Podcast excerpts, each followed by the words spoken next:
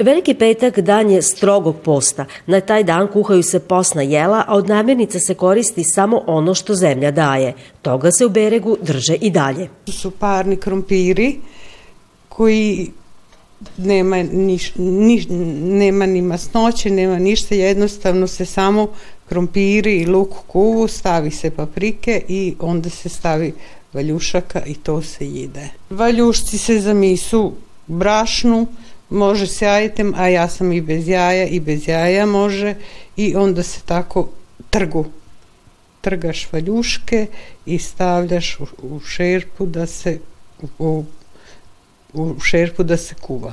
Jedno od posnih jela koje se pravi je jelo od kuhanog graha, a u Beregu ga zovu papula.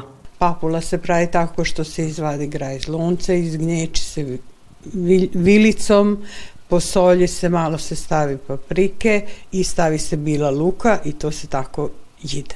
Da bude malo možda jače ako neko mora krave na rani, tako koji šta, ipak treba malo više snage. Besklasna pogača priprema se još ujutru i jede se tijekom cijelog dana. Samo o, voda, sol i brašno. I to se tako speče i to se jide preko dana veći, veći se komad napravi i onda se to tako kida na kockice i onda se to tako jide. Na veliki petak rade se samo poslovi koji se moraju raditi, sitni poslovi u kući i poslovi oko stoke. Dan je to tuge, pa je i oblačenje prilagođeno. Oblači se tamnija odeća i obavezno nosi crna marama. Gledate paletu Izbor iz emisija na jezicima nacionalnih zajednica.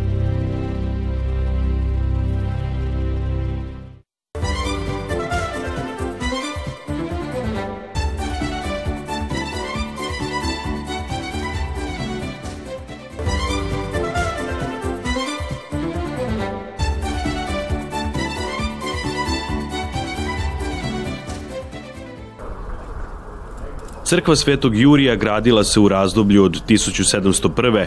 do 1714. godine, kada je osvećena kao jezuitski samostan. Crkva je u 18. stoljeću bila sjedište Isusovaca i crkvena škola, a potom je pretvorena u župnu crkvu za vojnike katoličke vjeroispovjedi. Petrovaradin je cijeli e, kao grad, kao jedna cijelina, i zaista nas veseli da je regionalna i gradska vlast prepoznala potrebu da se i taj dio kompleksa uredi kao jedinstvena e, cijelina i da zasija onim svjetlom koje je uistinu nekoć bila, a koje može i bit će i u ovim vremenima. Ja vjerujem da vjernička zajednica koja se okuplja u tim prostorima i tekako osjeća radost i zadovoljstvo što i taj prostor i čitav taj kompleks dobiva jedan no, svoj novi sjaj, e, jedno novo lice gdje će se osjećati sva ona ljepota i dubina koji su naši stari, evo svima nama to ostavili da danas možemo u tome uživati. Pored crkve od prošle godine obnavlja se i kuća Bana Josipa Jelačića, koji je još jedan objekt od velike važnosti za hrvatsku zajednicu. Pokretanje ovih projekata od strane pokrajinske vlade po prvi puta institucionalno rješava pitanja Hrvata u Srbiji i autonomnoj pokrajini Vojvodini. Krenuli su konzervatorski radovi unutrašnjosti crkve. Sredstva su obezbeđena što se tiče sređivanja unutrašnjeg dela crkve. Imamo garancije i obećanje gradonačelnika grada Novog Sada da će se i grad uključiti, tako da očekujemo da u toku ove godine bude završen projekat obnove spoljneg dela crkve Svetog Jurija i da za nekih godinu, godinu i po dana možemo reći da, da se obnova i završi. To je crkva od izodnog značaja za hrvatsku zajednicu u Srbiji i mi smo radosni što smo krenuli evo sa obnovom i siguran sam da, da će posle te obnove crkva biti ne samo pored vjerskih ovaj, obreda u njoj, nego će biti otvorena i za turističku ponudu, jer ona ima veliku povijesnu značaj za ovaj dio Petrovaradina i Novog Sada.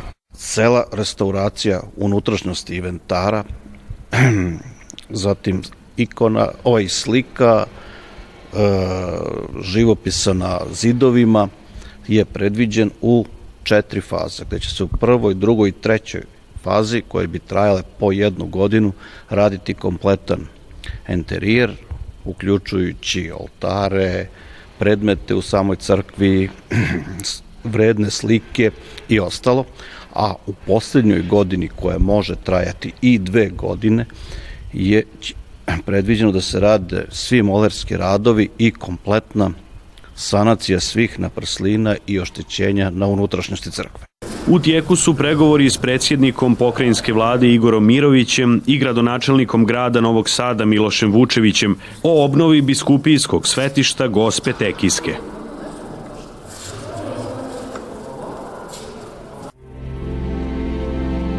Gledate paletu.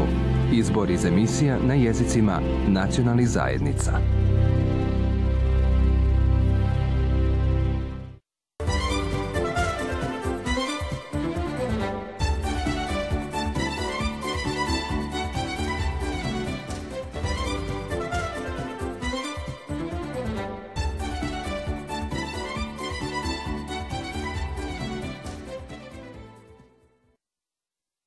Hrvatska udruga Matije Gubec već četiri godine uspješno prati i realizira različite EU projekte. Zahvaljujući tome angažmanu pomogli su neformalnu izobrazbu mladih u selu, učuvanju mjesnih etničkih posebnosti, ali i afirmirali tradicijsku vještinu tavankutskih slamarki. Veliki dio tih postignuća ostvarena je jer su stekli povjerenje vojitelja projekata iz Kulturno-obrazovnog zavoda Borja u Sloveniji. Oni kažu u vodstvu Matija Gupca imaju pouzdanog i vrijednog partnera. Sad su aktualna dva Erasmus Plus e, projekta. Jedan je um, projekt Otvorene ruke, uh, koji je negdje već u, u, pa skoro u završnoj fazi, znači neke dve trećine tog projekta smo već odradili. A druga stvar je um, projekat koji smo tek započeli raditi, uh, u stvari tek započeli je dugogodišnji, dvo, više od dvogodišnji projekt, uh, zove se Mladi Zeko. Suština tog projekta mi hoćemo osnažiti mlade pripadnike etničkih manjina i u Sloveniji i u Hrvatskoj i u Srbiji, znači ovdje nastavljamo multiplu ranjivost. U jednu ruku nastavljamo mlade s manje mogućnosti, znači na konto nekih kulturnih razlika. Društvo kulture Matije Gubec u Tavankutu ističe se brojnim projektima očuvanja kulture i običaja bunjevačkih Hrvata. Jedini su među udrugama u Vojvodini koji tu misiju ispunjavaju uz potporu europskih fondova u suradnji s kolegama iz Slovenije i Hrvatske. Matija Gubec je naravno odavno to shvatio da naš opstanak ne može biti ako nećemo sudjelovati na svim, eh, na svim razinama pisanja projekata, tako da već odavno eh, sudjelujemo naravno na tim općinskim, pokrajinskim, republičkim i kako što nam matična Republika Hrvatska svakako svake godine raspisuje natječaje.